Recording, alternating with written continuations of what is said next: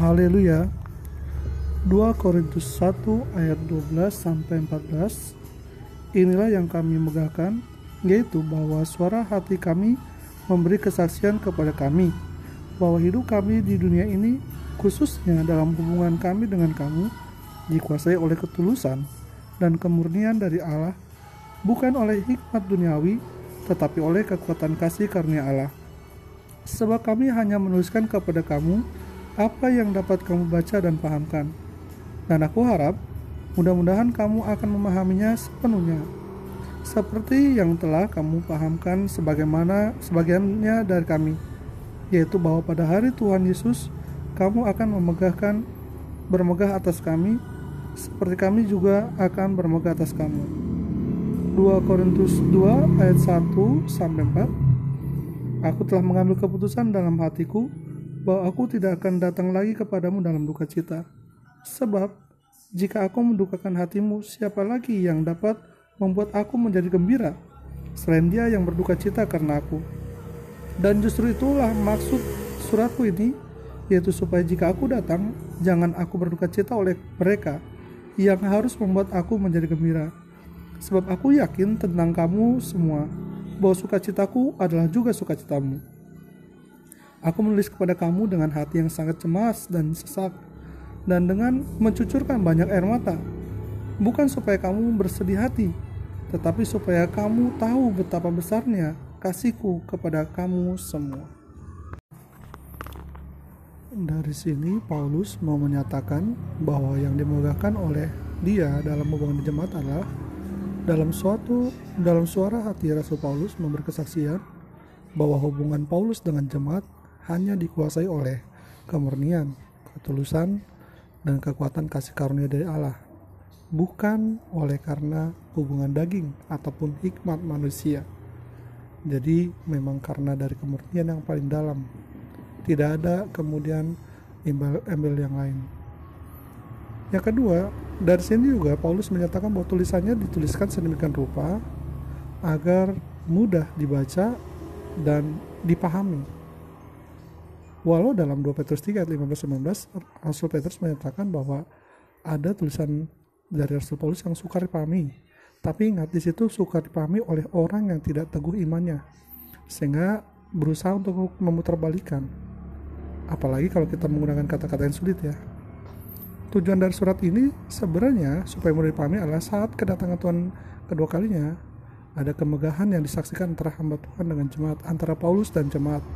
Jemaat memberi kesaksian baik dan Rasul Paulus juga memberi kesaksian baik tentang jemaat. Serta yang ketiga, bahwa penulisan dari surat Rasul Paulus ini dituliskan dan perasaan yang cemas, sesak, serta penuh dengan cucuran air mata.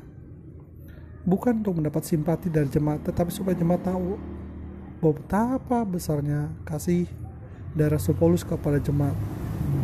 Perhatikan, hamba Tuhan yang diurapi pasti menghargai jiwa jemaat. Tidak mungkin kemudian dia mengharapkan ada jemaatnya yang jatuh tetapi berharap bahwa semua jemaatnya kemudian menjadi jemaat-jemaat yang layak masuk dalam kerajaan surga Berikut adalah beberapa nasihat dari Rasul Paulus yang dituliskan pada surat kirimannya kepada jemaat di Korintus yang kedua kali. Ingat, walaupun dituliskan kepada jemaat di Korintus, firman ini juga untuk kita, bukan hanya untuk jemaat di Korintus. Yang pertama, dalam 2 Korintus 2 ayat yang kelima sampai ketujuh di sana dikatakan tetapi jika ada orang yang menyebabkan kesedihan maka bukan hatiku yang disedihkannya melainkan hati kamu sekalian atau sekurang-kurangnya supaya jangan aku melebihkan hati beberapa orang di antara kamu bagi orang yang demikian sudahlah cukup teguran dari sebagian besar dari kamu sehingga kamu sebaliknya harus mengampuni dan menghibur dia supaya ia jangan binasa oleh kesedihan yang terlampau berat firman Tuhan ini mengingatkan bahwa orang yang bersalah harus diampuni. Jadi ketika kita temukan ada jemaat yang melakukan satu pelanggaran, satu dosa, ingat dosa yang tidak uh, kemudian menduga roh kudus atau menghujat roh kudus, maka orang itu harus kita tegur. Kalau dia bertobat, kita kemudian harus ampuni sekali bersalah kepada kita. Dan kemudian kita berikan penghiburan kepadanya. Kenapa kita berikan penghiburan? supaya tidak binasa hatinya, tidak binasa kehidupannya karena terlalu sedih. Masih banyak jemaat dan hamba Tuhan yang lemah, yang belum 100% berkenan seperti yang dituliskan dalam Mazmur 37 ayat 23 sampai 24. Tuhan menetapkan langkah-langkah orang yang hidupnya berkenan kepadanya dan apabila ia jatuh tidak akan jatuh tergeletak sebab Tuhan yang menopang tangannya. Itu kepada orang yang sudah berkenan kepada Tuhan 100%. Namun di antara kita masih banyak yang lemah. Oleh karena itu jangan biarkan iblis ambil-ambil kesempatan seperti yang dituliskan dalam 2 Korintus 2 ayat 11 segera hibur jangan kita kemudian malah ikut sama-sama menghakiminya bahkan membuat dia seolah-olah tidak bisa lagi bangun dari keterpurukannya yang kedua dalam 2 Korintus 5 ayat 1 di sana dikatakan karena kami tahu bahwa jika kemah tempat kediaman kita di bumi ini dibongkar Allah telah menyediakan suatu tempat kediaman di sorga bagi kita suatu tempat kediaman yang kekal yang tidak dibuat oleh tangan manusia. Rasul Paulus, Paulus mengingatkan bahwa Allah menjadikan satu tempat kediaman buat kita di sorga. Oleh karena itu dalam tulisannya di ayat yang keempat dikatakan jangan tawar hati bahwa penderitaan kita yang sekarang penderitaan ringan penderitaan ringan yang akan membawa kita ke sorga dalam Ibrani 12 ayat 28 dan Ibrani 13 ayat 14 di sana dikatakan bahwa Tuhan sudah mempercayakan kepada kita satu tempat yang indah. Ada kota yang akan datang yang menjadi tujuan akhir kita. Mari kita berjuang. Tetap berjuang agar kita kemudian sampai ke sana. Yang ketiga dalam 2 Korintus 6 ayat yang pertama. Sebagai teman-teman, sekerjakan nasihatkan kamu supaya kamu jangan menjadi sia-sia kasih karunia Allah yang telah kamu terima. Rasul Paulus mengingatkan bahwa Jangan kita kemudian membuat kasih karunia Allah yang kepada kita ini menjadi sia-sia. Ingat bahwa waktu ini adalah waktu perkenanan Tuhan dan hari yang Tuhan siapkan, yang Tuhan berikan kepada kita sekarang ini adalah hari penyelamatan. Sehingga kemudian sebagaimana apa yang dituliskan dalam Ibrani 3:15, firman Tuhan mengatakan, "Jika engkau mendengar suaranya, jangan keraskan hatimu." Kita tidak tahu waktu kita satu menit, dua menit, tiga menit yang akan datang. Namun saat firman Tuhan disampaikan kepada kita sekarang ini, firman Tuhan mengingatkan kita, apa pun itu, jangan keraskan hatimu. Jangan keraskan hatimu. Selanjutnya, dalam 2 Korintus 6 ayat yang ke-14 di sana dikatakan janganlah kamu merupakan pasangan yang tidak seimbang dengan orang-orang yang tidak percaya yang tidak seimbang yang artinya sebagai contoh duduk dalam kumpulan pencemooh yang kemudian kita hidup seperti dengan hidup orang dunia kita bersatu dengan bersatu orang dunia. Dalam Mazmur pasal yang pertama ayat 1 sampai ketiga di sana adalah terkutuklah orang yang kemudian berjalan dalam nasihat orang fasik, fasik duduk dalam kumpulan pencemooh dan berkumpul dalam kumpulan orang-orang berdosa. Tuhan ingatkan kita dalam 2 Korintus 7 ayat 1 bahwa kita harus menjauhkan diri dari pencemaran jasmani dan pencemaran rohani. Kita harus sucikan diri kita supaya kita kemudian menjadi orang berkenan kepadanya. Selanjutnya, yang kelima dalam 2 Korintus 9 ayat yang ketujuh di sana dikatakan hendaklah masing-masing memberikan menurut kerelaan hatinya jangan dengan sedih hati atau karena paksaan sebab Allah mengasihi orang yang memberi dengan sukacita. Ini masalah memberi adalah masalah yang biasanya cukup sulit bagi orang yang hartanya masuk dunia ini. Bahwa firman Tuhan berkata, di mana hartamu berada, hartamu berada di situ hatimu berada. Pemberian ini mengingatkan kita bahwa apa yang kita miliki bukan milik kita sebenarnya, tetapi milik Tuhan. Bahwa harta yang kita miliki sekarang adalah harta yang Tuhan izinkan untuk bagi kita menjadi saluran berkat. Oleh karena itu, mari kita berikan dengan sukarela, dengan sukacita. Karena itu yang mendatangkan berkat. Dalam 2 Korintus 12 ayat 20 sampai 21 di sana dikatakan Rasul Paulus ini sebagai yang keenam bahwa aku khawatir apabila aku datang aku mendapati kamu tidak seperti yang kuinginkan dan kamu dapati aku tidak seperti yang kamu inginkan Aku khawatir akan adanya perselisihan dari hati, amarah kepentingan diri sendiri, fitnah, bisik-bisikan, keangkuhan, dan kerusuhan. Aku khawatir bahwa apabila aku datang lagi, Allah akan merendahkan aku di depan kamu, dan bahwa aku akan berduka cita ketika banyak orang di masa yang lampau berbuat dosa, dan belum lagi bertobat dari kecemaran, percabulan, ketidaksopanan yang mereka lakukan. Kekhawatiran Rasul Paulus adalah jangan sampai kemudian pada akhir kehidupannya mengecewakan orang lain atau bahkan terhadap jemaat jangan sampai kemudian ada jemaat yang ternyata ditemukan Rasul Paulus ketika berjumpa belum bertobat, belum sepenuhnya bertobat. Tapi yang diharapkan Rasul Paulus adalah bahwa sebagaimana apa yang didengar tentang kehidupan dari jemaat Korintus itu juga yang ditemukan pada kenyataannya. Sama seperti yang jemaat Tesalonika dalam satu Tesalonika satu. Yang ketujuh, firman Tuhan mengingatkan ujilah dirimu sendiri. Dalam 2 Korintus 13 yang kelima sana dikatakan ujilah dirimu sendiri apakah kamu tetap tegak di dalam iman? Selidikkan dirimu? Apakah kamu tidak yakin akan dirimu bahwa Kristus Yesus dalam diri kamu? Sebab jika demikian kamu tidak tahan uji yang Tuhan mau ingatkan adalah kita menguji diri kita bukan menguji orang lain. Hanya jemaat Filipi yang bisa menguji bahwa jemaat itu adalah rasul atau bukan jemaat Efesus. Tetapi yang paling penting adalah kita menguji diri kita sendiri. Apakah kemudian kebenaran firman itu sudah kita lakukan? Apakah kemudian perbuatan-perbuatan kita semua sudah sesuai berkenan kepada Allah? Apakah kita tetap tegak dalam iman? Dan apakah kita yakin Yesus dalam diri kita salah satu cara menguji adalah bahwa dalam tindakan kita datang kepada Tuhan hati kita tidak menuduh. Sebagaimana yang tuliskan 1 Yohanes 3 ayat 21 jikalau hati kita tinunduk kita kemudian memiliki keberanian untuk datang percaya kepadanya. Dan sebagai penutupnya Rasul Paulus mengingatkan dalam 2 Korintus 13 ayat 11 akhirnya saudara-saudaraku bersukacitalah usahakanlah dirimu supaya sempurna terimalah segala nasihatku saat sepikirlah kamu dan hiduplah dalam damai sejahtera maka Allah sumber kasih dan damai sejahtera akan menyertai kamu yang artinya bahwa segala tulisan ini pada tujuannya adalah supaya Allah sumber damai sejahtera menyertai seluruh jemaat di Korintus dengan tindakan-tindakan, perbuatan-perbuatan dan dalam kehidupannya sehari-hari. Untuk itu, maka nasihat-nasihat di atas dituliskan oleh Rasul Paulus sedemikian rupa dengan kata-kata yang baik, dengan kata-kata yang mudah didengar, bahkan apa yang dituliskan oleh rasa Raja Salomo dalam pengkhotbah karena Salomo pun sama seperti Paulus.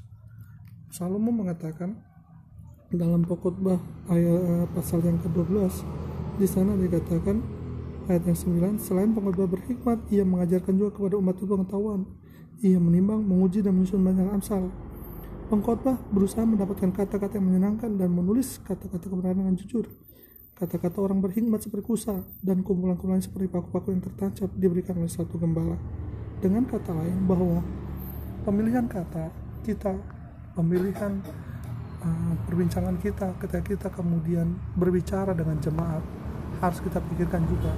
Supaya kemudian tujuan firman Tuhan yang sebenarnya yaitu Allah sumber kasih dan damai sejahtera itu benar-benar menjadi uh, dapat dipaham dan dimengerti oleh seluruh jemaat puji Tuhan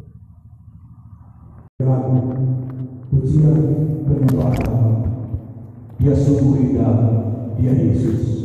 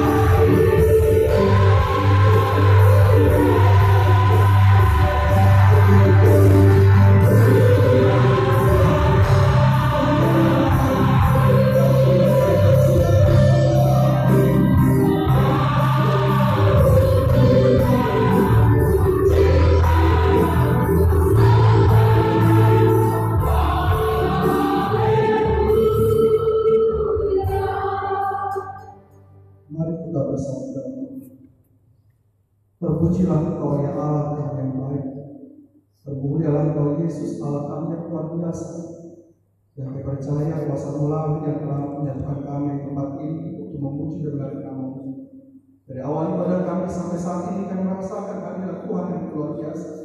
Maka lanjutkan kehadiran Tuhan kepada kami pada hari ini. Dan pendengaran firman yang akan dengarkan. Hamba yang diutus oleh hamba Pendeta Mafia untuk menyampaikan firman. Hamba menyadari siapa diri hamba Tuhan. Kalau hamba berkata bahwa beliau adalah hamba yang bodoh, hanya seperti debu, apalagi hamba Tuhan. Namun mulialah kau memakai debu ini Tuhan untuk menjadi alat bagi nama. Saat ini setiap hati yang mendengar, setiap yang mendengar, hati yang untuk bagian tanah yang baik. Benih firman itu akan bertumbuh, berakar, menghasilkan buah, buah yang baik bagi kemuliaan nama Tuhan.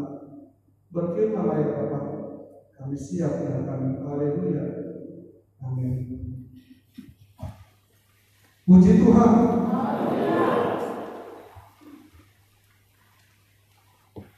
Bapak Ibu terkasih, kita akan belajar sama-sama dari perhubungan firman Tuhan.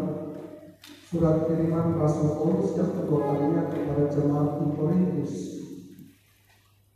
2 Korintus pasal yang pertama ayat yang ke-12 sampai 14 lalu kita tambahkan lagi 2 Korintus pasal yang kedua ayat yang keempat saja sambil kita cari dikasih untuk para hamba Tuhan untuk tidak lupa dengan ayat kebaikan urutannya dari sana adalah baris pertama dan yang sebelah kiri adalah baris yang ke-12 supaya besok tidak ada yang salah posisi untuk mengisi perjalanan kita akan baca secara bersama-sama dari 2 Korintus 1 ayat 12 sampai 14. 2 3 ya. Inilah yang kami megahkan yaitu bahwa suara hati kami memberi kesaksian kepada kami bahwa hidup kami di dunia ini khususnya dalam hubungan kami dengan kamu dikuasai oleh ketulusan dan kemurnian dari Allah bukan oleh hikmat tetapi oleh kekuatan kasih karunia Sebab kami hanya menuliskan kepada kamu apa yang dapat kamu baca dan pahamkan. Dan aku harap mudah-mudahan kamu akan memahaminya sepenuhnya.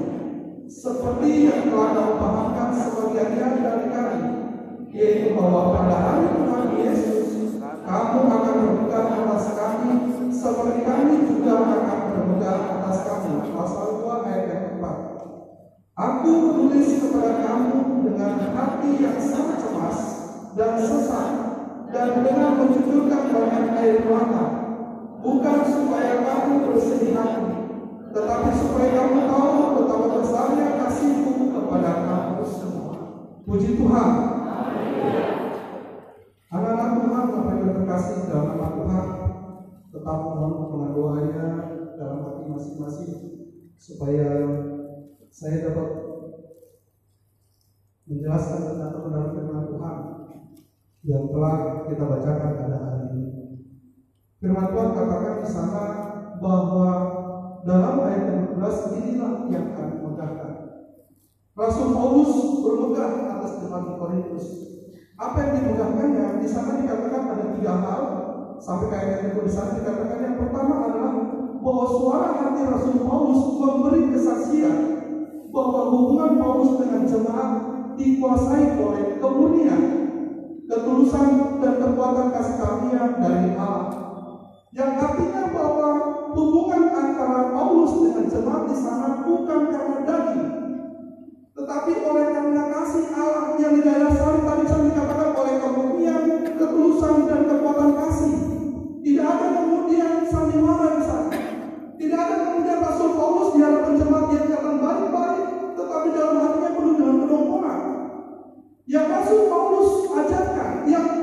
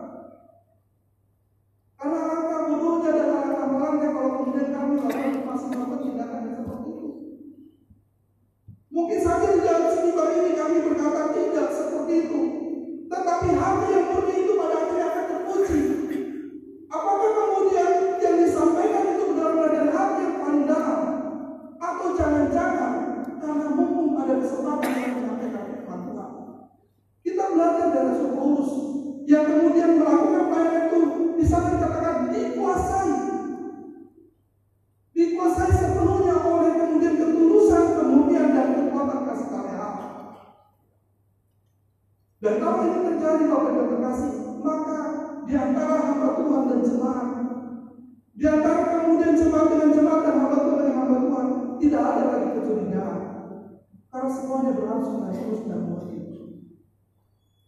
Yang kedua di ayat selanjutnya di sana dikatakan sebab kami hanya menuliskan kepada kamu apa yang dapat kamu baca dan pahamkan dan aku harap mudah-mudahan kamu akan memahaminya sepenuhnya. Perhatikan Bapak Ibu terkasih, anak-anak Tuhan, berarti menjadi seorang hamba Tuhan. Salomo dalam tulisannya dalam pembuat pasal yang ke-12 Mari kita lihat dulu dalam pembuat pasal yang ke-12 Ini yang dikatakan oleh Salomo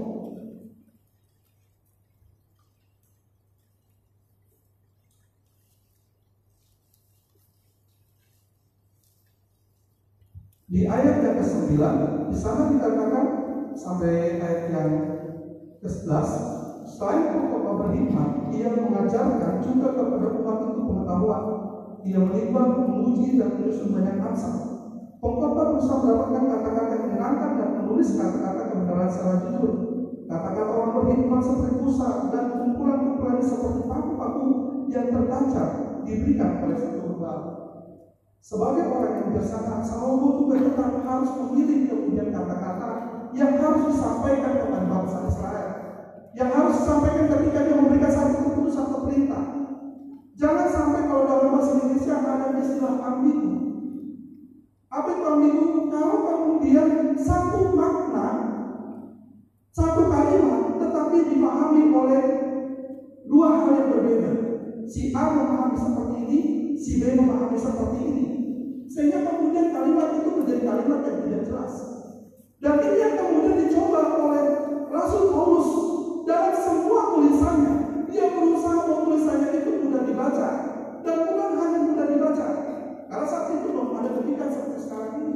Dia berusaha menuliskan tulisannya itu serapi, serapi mungkin, sedemikian rupa.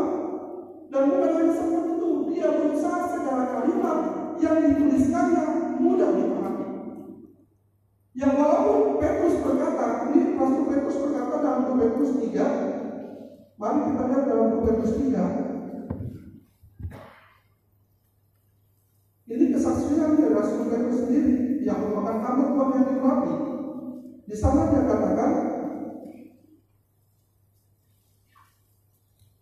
ayat yang ke-15 sampai selanjutnya. Anggaplah kesabaran Tuhan kita sebagai kesempatan bagi ini untuk beroleh selamat. Seperti juga Paulus, saudara kita yang kasih, telah menulis kepadamu menurut hikmat yang dikaruniakan kepadanya. Hal itu dibuatnya dalam semua suratnya. Apabila dia berbicara tentang perkara-perkara ini, dalam surat-suratnya itu ada hal-hal yang sudah dipahami, sehingga orang-orang yang tidak memahaminya dan yang tidak menerimanya memutar balikannya menjadi kebinasan mereka sendiri sama seperti yang juga mereka buat dengan tulisan-tulisan yang lain. Yang walaupun di sana dikatakan Rasul Petrus mengakui dalam tulisan yang dituliskan oleh Paulus ada kemudian hal-hal yang disuka pahami yang sulit untuk dipahami. Padahal Paulus berkata kepada jemaat di Korintus, dia berusaha bahwa segala tulisan yang dituliskan dia adalah tulisan yang mudah dibaca dan mudah dipahami. Bayangkan Bapak Ibu yang terkasih anak Tuhan, hamba Tuhan yang sudah diurapi, hamba Tuhan yang benar-benar menuliskan dengan hikmat, masih kemudian dikatakan suka dipahami oleh Petrus. Tetapi perhatikan, suka dipahaminya itu bukan untuk orang-orang yang percaya, orang-orang yang terbukti imannya. Karena di sana dikatakan suka dipahami sehingga orang-orang yang tidak memahami dan tidak teguh imannya memutar balikannya. Orang yang tidak teguhlah yang kemudian tidak memahami maksudnya.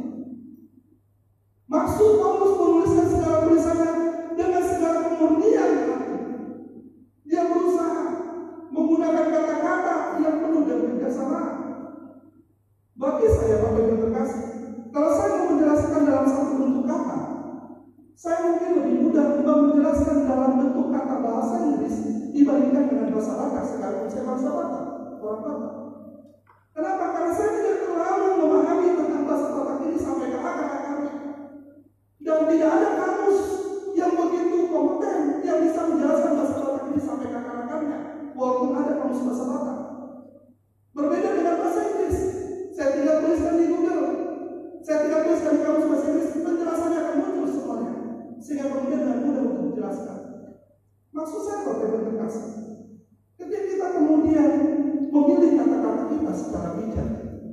pastikan kemudian audiens, orang-orang yang membaca, orang-orang yang mendengarkan khotbah memahami maksud dan tujuan.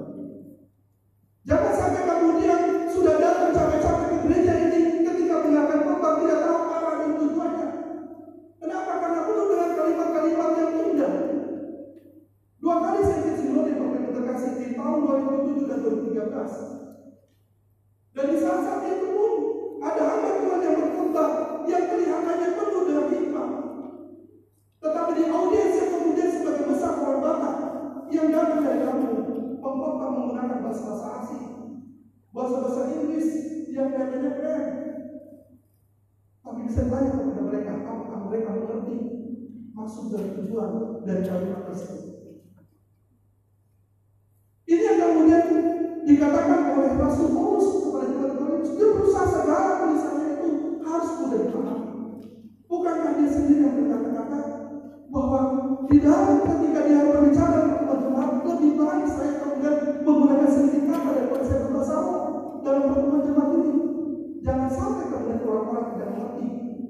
tujuan dari perkataan tersebut. Itu yang kedua.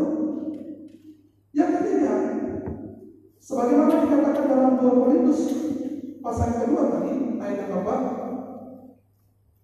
Aku menulis kepada kamu dengan hati yang sangat cemas dan sesat, dan dengan mencucurkan banyak air mata, bukan supaya kamu bersedih hati, tetapi supaya kamu tahu betapa besarnya kasihku kepada kamu semua. Inilah tulisan yang ditulis oleh Rasul Paulus. Jadi kalau ini dalam semua tulisannya kelihatannya gampang membacanya. Tetapi Paulus dalam semua tulisannya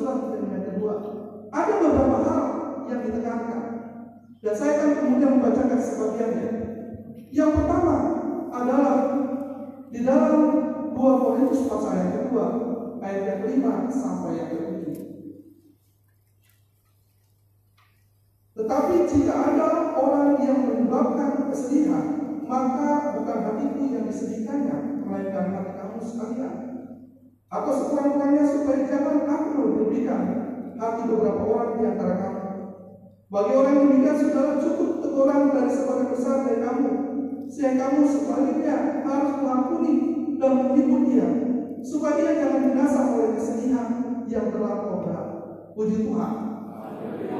Maksudnya seperti Bapak Ibu kasih. Di antara jemaat di Korintus itu masih ditemukan orang-orang yang melakukan pelanggaran dan kebenaran firman Tuhan. Ada orang-orang yang kemudian dianggap telah melakukan pelanggaran dan kemudian Rasul Paulus mengingatkan tentang orang-orang seperti ini harus ditegur, harus ditutup supaya kemudian dia bertobat dan berubah.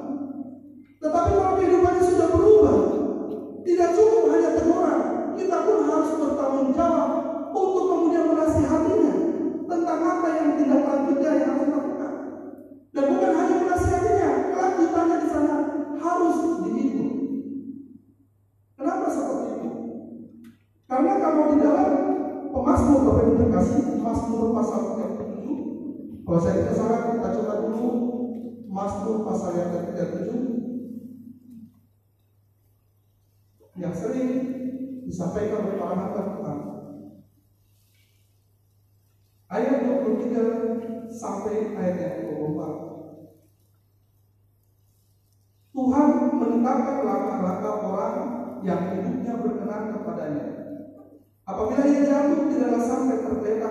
Tuhan menopang tangannya. Puji Tuhan.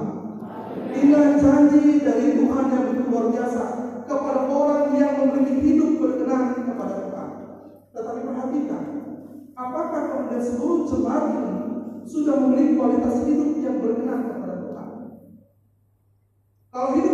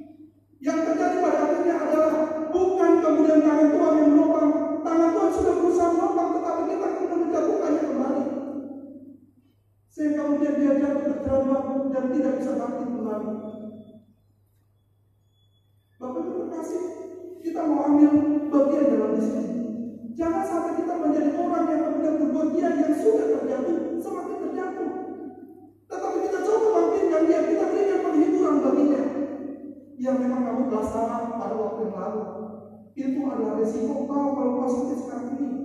Namun bangkitkan semangatmu, tetap ikut kepada Tuhan, tetap berserah kepada Tuhan, tetap serahkan dirimu kepada Tuhan, jangan mundur. Karena kita lihat begitu banyak kemudian anak Tuhan yang pada akhirnya bisa bangkit kembali. Karena ada orang yang menggendongnya, yang menopangnya dan memegang tangannya. Yang memanggil dia kembali, ayo kita sama-sama beribadah. Saya, saya ambil istilah seperti saudari Nur itu karena dia sempat kemudian mengalami masa-masa yang begitu sulit. Tetapi kemudian ada orang yang mencoba mengingatkan dia. Ada sektor Philadelphia yang kemudian menopang dia sehingga dia bisa bangkit kembali. Bahkan di masa kebangkitannya itulah dia bisa membawa kedua orang tuanya untuk datang kepada Tuhan. Ini contoh. Bukankah ini hal yang luar biasa yang Tuhan kerjakan kerjasama di antara sesama jemaat?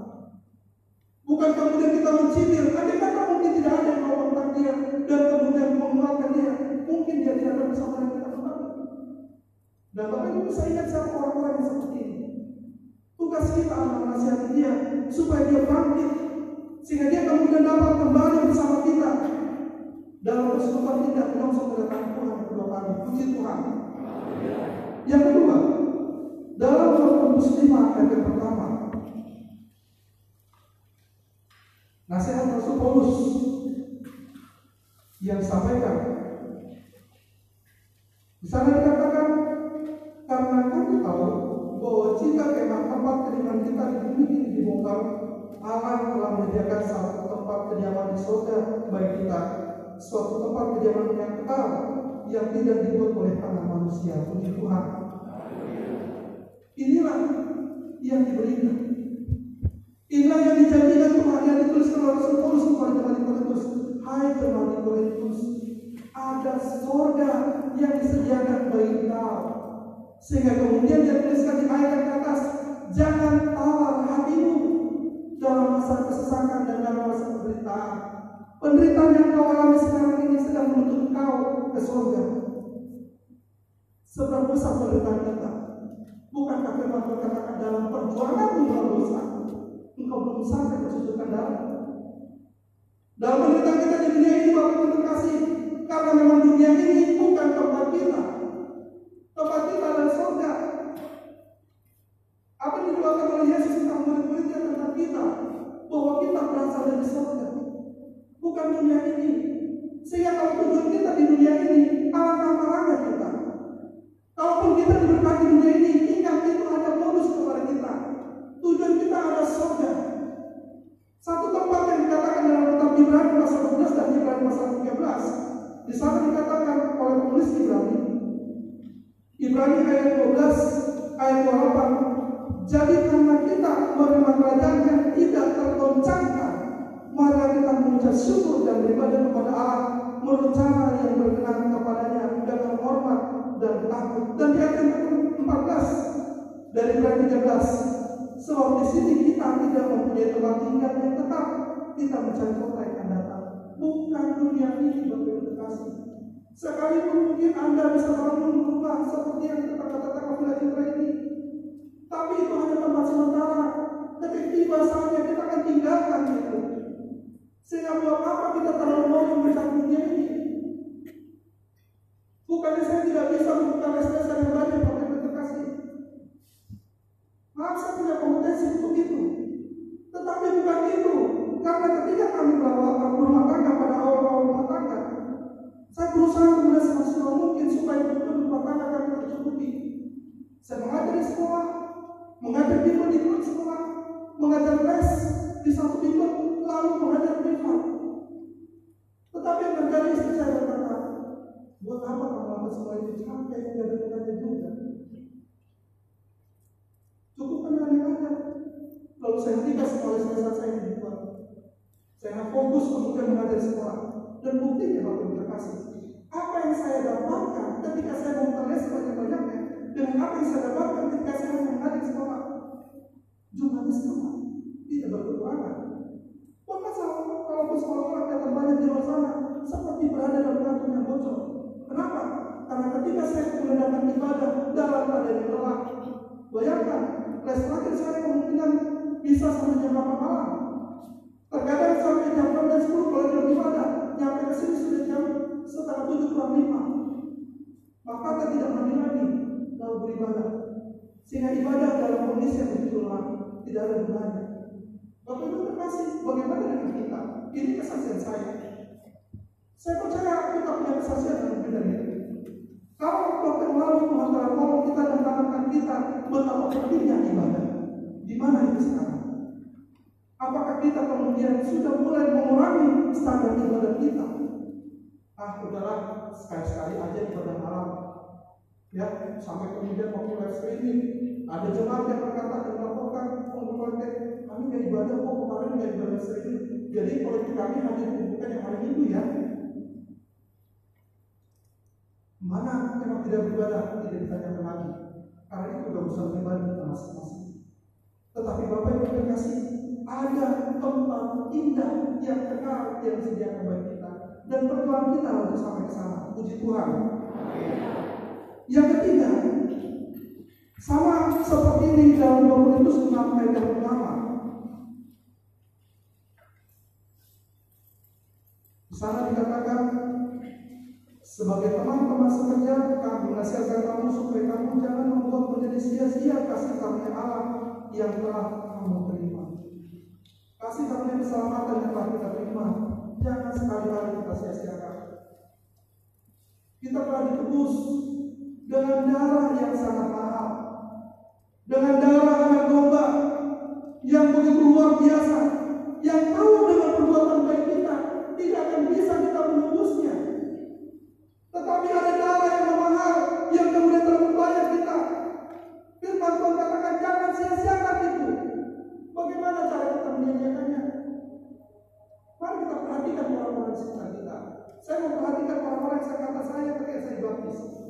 Pada tahun 2000 tanggal 25 Desember. Mungkin ada yang sama dengan saya tanggal 25 Desember tahun 2000. Tapi yang saya kenal, kaum yang berusaha saya, mungkin tinggal satu orang. Yang lain entah ke mana. Padahal mereka telah ditebus dengan kasih kami luar biasa dan darah yang mahal. Dan ini diingatkan kepada kita yang ada pada malam hari ini, jangan sia-siakan. Jangan sia-siakan. Alangkah mahalnya kita. Kalau kita kemudian menyia-nyiakan darah yang mahal tersebut. Dan itu tidak serta-merta langsung kita undur Bapak dan terkasih. Tetapi banyak hal, bahkan dalam pasangan yang tidak seimbang, ini yang sering kali membuat kita terjatuh. Para kaum muda, pemuda-pemudi ketika mencari pasangan hidup, berpikir mungkin ah nggak apa-apa dia jemaat gereja seberang, nanti saya akan dia.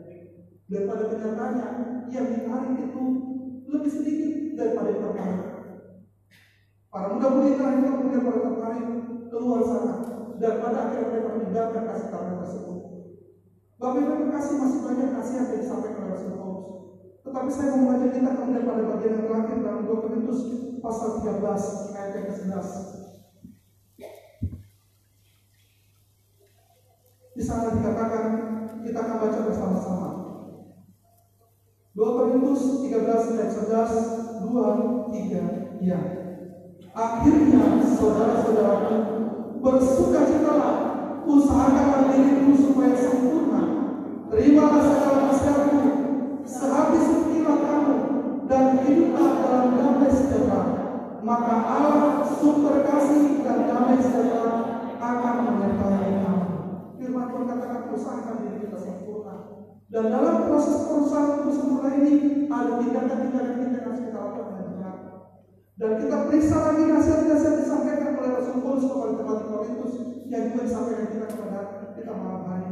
Lakukan dan firman Tuhan katakan ketika ini kita lakukan Allah sumber damai sejahtera menyertai kita sampai kedatangan kedua kali.